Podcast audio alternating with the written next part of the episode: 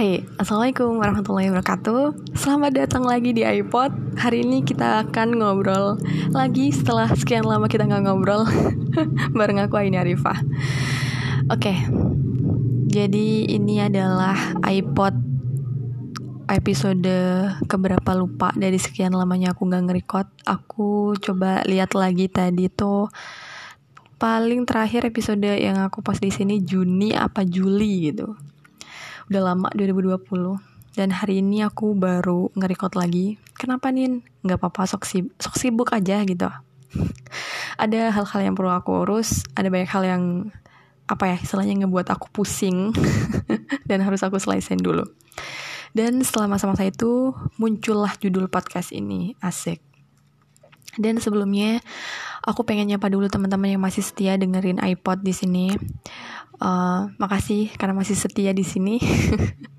aku juga pengen nyapa teman-teman yang masih semangat belajar sampai sekarang. Hai semuanya, kalian luar biasa. Semoga Allah mudahkan, semoga Allah lancarkan. Amin ya rabbal alamin. Dan teman-teman dan semua orang yang masih terus bertahan di tahun ini, ya uh, kita tahu karena pandemi, karena COVID, ada banyak orang sakit, bahkan orang yang meninggal karena virus corona. Kita doakan semuanya, semoga Allah uh, berikan tempat yang terbaik dan yang ditinggalkan diberikan ketabahan dan kesabaran. Amin ya rabbal alamin.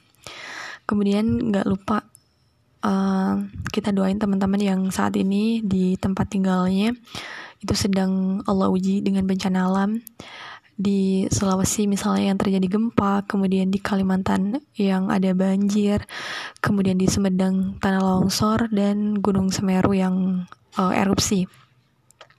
Apa pun ujiannya, insya Allah Allah paling tahu apa yang terbaik buat kita. Allah tahu kalau kita kuat dan kita sanggup untuk uh, istilahnya melewati ujian itu.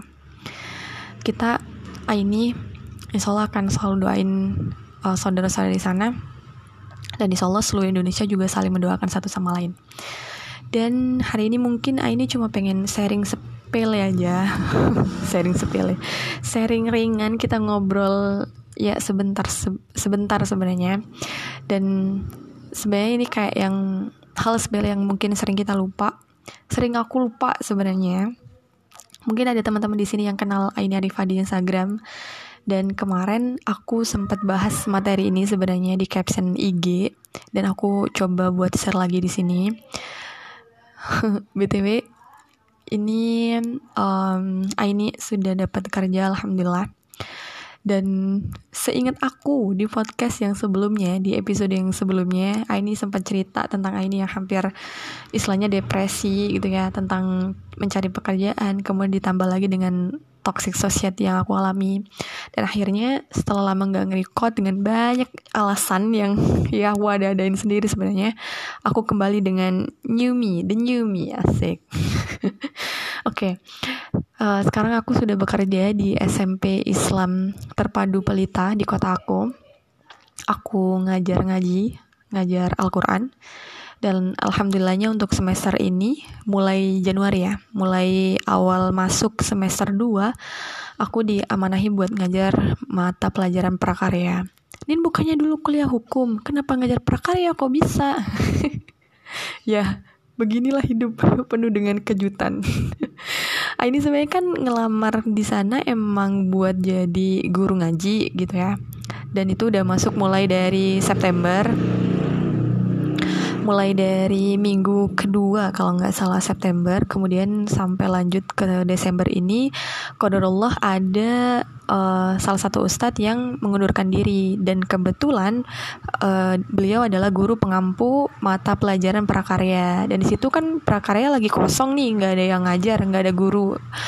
Jadi di situ ini yang di uh, apa ya istilahnya diminta tolong diberi amanahi diberi amanah gitu buat ng buat ngisi prakarya ini gitu. Ya nggak apa-apa. Alhamdulillah ini coba bersyukur dengan apa pun yang Aini dapetin saat ini yang ayah yang Aini alamin saat ini dan kalian juga harus kayak gitu. Jadi sembari apa ya sembari belajar hal baru juga gitu. Btw aku selama sekolah SD, SMP, SMA itu nggak pernah ada yang namanya mata pelajaran prakarya. Karena emang uh, belum ada mata pelajaran itu sebelumnya. Dan apa ya istilahnya mata pelajaran itu masih asing banget di aku karena aku belum pernah belajar itu sama sekali. Tapi tiba-tiba diamanahin buat ngajar prakarya gitu. Sebenarnya menurut aku prakarya lebih ke sama kayak seni budaya gitu ya. Tapi ternyata enggak.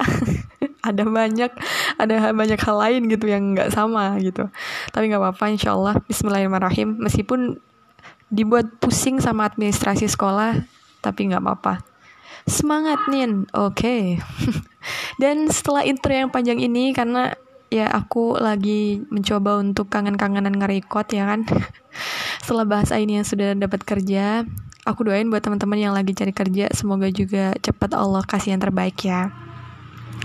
Dan ya semua yang ini dapetin saat ini itu juga nggak lepas dari namanya doa dan dukungan orang tua. Sebelum dapat kerja tuh ayah selalu bilang kayak yang udah mbak nggak apa-apa di aja di rumah biar ayah yang cari uang gitu. Dan uh, apa ya kayak dan kalau ibu tuh bilangnya kayak nggak apa-apa mbak insya Allah nanti pasti akan ada pekerjaan yang terbaik buat mbak gitu. Terlalu uh, terlalu parah nggak sih orang tua tuh? Bener-bener orang yang paling setia mendampingi kita di saat kita berjuang jatuh apa ya insya Allah uh, pada saat kita to be someone soon insya Allah orang tua adalah orang yang akan selalu terus ada di samping kita gitu Amin ya. Dan buat teman-teman juga yang mungkin sekarang mulai ngaji pasti deh ke, di awal-awal kita ngaji kita belajar gitu kita akan dapat pelajaran pelajaran bahwa untuk menjadi orang yang lebih baik itu pertama yang perlu diperbaiki adalah sholat ibadah yang benar gitu kemudian diperbaiki akhlaknya. Dan salah satu akhlak yang dimaksud di sini adalah akhlak terhadap orang tua gitu. Dan setelah beberapa pikiran gelap aku di awal 2020 setelah aku lulus kuliah itu betapa sadarnya aku tentang peran ibu sama ayah yang selalu bilang gak apa-apa semangat terus berdoa. Kemudian mereka yang selalu ngasih energi positif buat aku selalu positif thinking gitu dengan keadaan yang ada. Uh, alhamdulillah sekarang di rumah aku lagi hujan. Kita doa dulu Allahumma sayyiban nafi'an. Oke okay, lanjut. Dan dengan semua itu yang tadi itu ya dukungan orang tua dan uh, apa ya semangat dari orang tua itu uh, istilahnya dari mulai aku lahir sampai hampir 23 tahun ini itu adalah hal yang nggak pernah orang tua istilahnya bosan gitu kasih ke anak-anaknya. Dok, dukungan doa semangat dan sebagainya itu. Dan bukankah kurang apa ya kurang ajar gitu. Kalau tiap kali ibu atau ayah minta tolong atau setidaknya manggil kita untuk sesuatu yang mereka butuh tapi kita malah ogah-ogahan kayak masa bodoh gitu bahkan kadang bentak-bentak beliau gitu. Dan setelah tahun ini aku jadi lebih sadar betapa ibu sama ayah itu perlu dimuliakan perlu diprioritaskan gitu. Bahkan teman-teman pasti udah pernah dengar kisah seorang anak uh, seorang anak ya yang mengadu kepada Rasulullah bahwa bapaknya sering repotin dia gitu suka minta ini suka minta itu gitu. Maksudnya dia tuh pengen nanya sebenarnya hak dari orang tua tuh batasannya seberapa sih? gitu kan. Begitu kurang lebih ya yang ini tangkap kayak gitu. Teman-teman bisa koreksi kalau ini salah. Dan setelah itu Rasulullah menjawab uh, bahwa hak dari apa ya hak dari orang tua terhadap diri kamu itu adalah seluruh dari apa yang kamu punya. Bahkan kamu sendiri itu punya orang tua kamu gitu. Jadi kita nggak boleh ngeluh-ngeluh atas apa ya kalau orang tua minta tolong atau kalau orang tua minta sesuatu dan sebagainya. Gitu ya. Mungkin apa ya orang tua itu adalah salah satu jalan buat kita bisa dapat ridho Allah dan uh, buat kita bisa punya satu jalan masuk surga gitu. Dan kalau orang tua sudah wafat maka kita akan kehilangan salah satu jalan atau kunci buat masuk surga. Dan meskipun nah ini emang bukan orang yang suka bentak-bentak orang tua ya semoga. Dan aku rasa emang uh, nggak nggak nggak sampai yang nakal banget bikin orang tua sakit hati dan sebagainya gitu. Tapi mungkin seringnya seorang anak nyakitin hati orang tuanya bahkan tanpa dia sadari dan dari situ aku mulai coba buat patuh sama ibu sama ayah. Setiap kali dipanggil diusahain buat selalu nyaut. Setiap kali dimintain tolong langsung sigap gitu kan. Berusaha banget buat selalu apa ya selalu nyenengin mereka gitu. Kalau lagi mood uh, lagi berantakan gitu ya tiba-tiba ibu atau ayah manggil otomatis kita sebel kan itu wajar kan ya. Dan kalau ada situasi seperti itu ini langsung kayak yang istighfar gitu loh. Astagfirullah astagfirullah ini ibu sama ayah mereka yang punya kunci surga aku harus patuh aku harus patuh sabar nin sabar ayo sigap nin ayo tolongin ibu tolongin ayah gitu. Dan serius itu manjur buat aku setiap kali nggak sengaja bilang kayak ah ibu gitu ah ayah gitu kan langsung kayak istighfar ya Allah nggak boleh gini nggak begitu nih nih istighfar istighfar gitu harus sepatu ini ibu sama ayah nih gitu memegang kunci surga nih gitu. Teman-teman kalau uh, mungkin ada di suatu situasi yang sama mungkin juga bisa dicoba cara aku ini. Mungkin ini emang bukan contoh yang baik tapi kalau kalian mau kalian bisa nyontoh aku Oke, okay, semangat buat kalian semua yang lagi memperbaiki diri ya. Ayo kita raih ridho ibu sama ayah dan dapat kunci surganya Allah. Amin ya rabbal alamin. Dan setelah bahas kunci surga juga, jangan lupa kalau surga itu ada yang punya gitu. Nin surga itu ada yang punya. Kalau kamu cuma punya kunci surga, yang punya yang punya surga nggak ngizinin kamu masuk, percuma gitu loh percuma.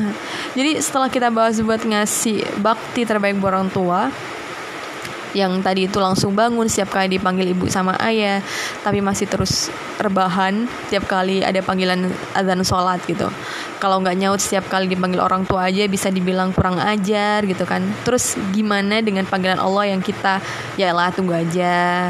Kadang apa ya kadang kalau ini tuh lebih bisa berprogres cepat gitu ya dengan ibadah yang subjek atau objeknya kelihatan gitu. Misal kayak baca Al-Quran sedekah atau akhlak kepada orang tua lagi. Karena orang tuanya kan kelihatan gitu ya.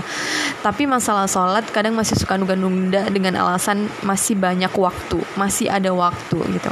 Padahal tidak sedikit juga orang yang wafat padahal belum menyelesaikan sholatnya jadi apa yang bisa menjamin kita kalau misal kita pengen surga terus kita berbakti sama orang tua semata-mata buat dapat ridhonya orang tua buat dapat kunci surga gitu. Lah kalau Allahnya aja yang punya surga gitu.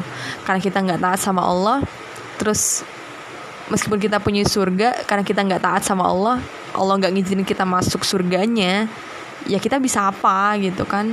Tetap panggilan Allah yang harus diutamakan harus jadi prioritas baru kemudian orang tua gitu. Teman-teman yang di sini bisa sholat isi uh, bisa sholat tepat waktu secara istiqomah. Bahkan ada beberapa teman-teman yang udah siap-siap buat wudhu buat ambil wudhu dulu terus langsung kayak zikir sebelum azan itu kalian luar biasa masya Allah. Doain aku juga ya biar aku bisa kayak kalian gitu dan selain bencana alam tadi yang kita udah bahas di awal uh, 2021 juga diawali dengan wafatnya ulama kita Sali Jaber ya kan? Aku ngeliat apa ya rasanya seluruh Indonesia bahkan yang non muslim sekalipun bahkan ada yang dari luar Indonesia yang ikut sedih ikut kehilangan sosok beliau. Yang seperti kita tahu beliau yang sangat tawadu sekali. Kemudian apa ya misalnya dakwah beliau tuh nggak pernah menghakimi siapa pun gitu kan. Orang yang baik banget sangat baik banget. Bahkan bisa dibilang ya kita semua yang tahu beliau istilahnya kenal beliau itu bersaksi bahwa beliau memang benar-benar orang baik gitu dan apa ya kalau uh, kalau dirasa beberapa meme yang aku lihat di Instagram, foto-foto yang aku lihat di Instagram, ada beberapa orang yang ngepost bahwa kematian ulama merupakan musibah terbesar, ya kan? Dan aku juga ngerasain itu juga dan beberapa lagi bilang bahwa semakin banyak ulama yang wafat, maka semakin dekat hari kiamat itu gitu. Jadi mikir lagi apa yang sudah aku persiapkan apa yang sudah aku persiapkan buat bekal pulang nanti gitu. Dan kalau kita lihat beberapa ulama yang sudah wafat misal yang paling kita kenal deh yang mungkin sebagian besar orang kenal gitu ya. Misal yang dulu sempat ya uh, Ustadz Jeffrey Al Bukhari atau bisa uh, biasa yang kita kenal UJ beliau wafat uh, 2000 berapa ya? Ini lupa dan yang kita kenal adalah Uji adalah sosok yang memperkenalkan kita membuat kita cinta dengan solawat gitu dengan solawat solawatnya beliau gitu. Atau juga salah satu ulama yang sudah wafat misalnya Ustadz Arif Ilham. Uh, beliau adalah salah satu ulama yang mengajarkan kita untuk selalu ingat pada zikir gitu kegiatan apa pun diusahakan untuk menjaga wudhu dan terus berzikir seperti itu. Dan untuk si Ali Jaber sendiri adalah sosok ulama yang selalu mengingatkan kita tentang Al-Quran, untuk mencintai Al-Quran, untuk mengaplikasikan Al-Quran dalam kehidupan sehari-hari gitu. Dan aku rasa setiap orang itu setelah melihat ulama-ulama yang sudah wafat ini, setiap orang itu punya timelinenya masing-masing gitu. Allah itu menciptakan manusia kayak mereka dikasih tugas masing-masing loh. Kayak ini kamu bagian ini ini kamu bagian ini dan kamu yang ini gitu. Misal yang kita contohkan tadi UJ beliau adalah orang yang apa ya uh, membuat kita cinta terhadap salawat terus Ustadz Arif juga membuat kita cinta dengan zikir. Kemudian Ustadz uh, Syekh Ali Jaber membuat kita cinta terhadap Al-Quran gitu jadi mereka punya bagiannya masing-masing dan ketika tugas itu sudah selesai, timelinenya udah habis, maka Allah bilang oke okay, kamu udah selesai dan kamu pulang gitu. Dan dari situ aku mulai mikir lagi gitu. Nih tugas ini apa gitu ya. tugas ini nih apa gitu. Sampai nantinya Allah bilangin oke okay, kamu tugas kamu sudah selesai, uh, tugas kamu sudah selesai, dan kamu pulang gitu. Dan aku belum nemuin itu. Apa yang bisa aku lakuin untuk agama aku apa yang bisa aku jadiin buat bekal ketemu Allah nantinya apa yang bisa jadiin aku senjata atau amalan atau pahala yang bisa apa ya aku tunjukin sama Allah buat ini Allah aku punya amalan segini dan aku pengen masuk surga gitu. Dan aku belum nemuin itu. Jadi mungkin teman-teman juga apa ya ngerasain yang aku rasain saat ini. Ayo kita semangat buat cari ya peran kita masing-masing di dunia itu apa. Jadi istilahnya kalau misal kemarin aku sempat dengar podcast juga di Islamic History Podcast kalau teman-teman juga tahu. Di situ juga bahas hal yang sama jadi untuk saat ini untuk peran atau tujuan atau tugas kalian masing-masing di dunia ini coba lihat diri sendiri apa potensi yang kalian punya gitu.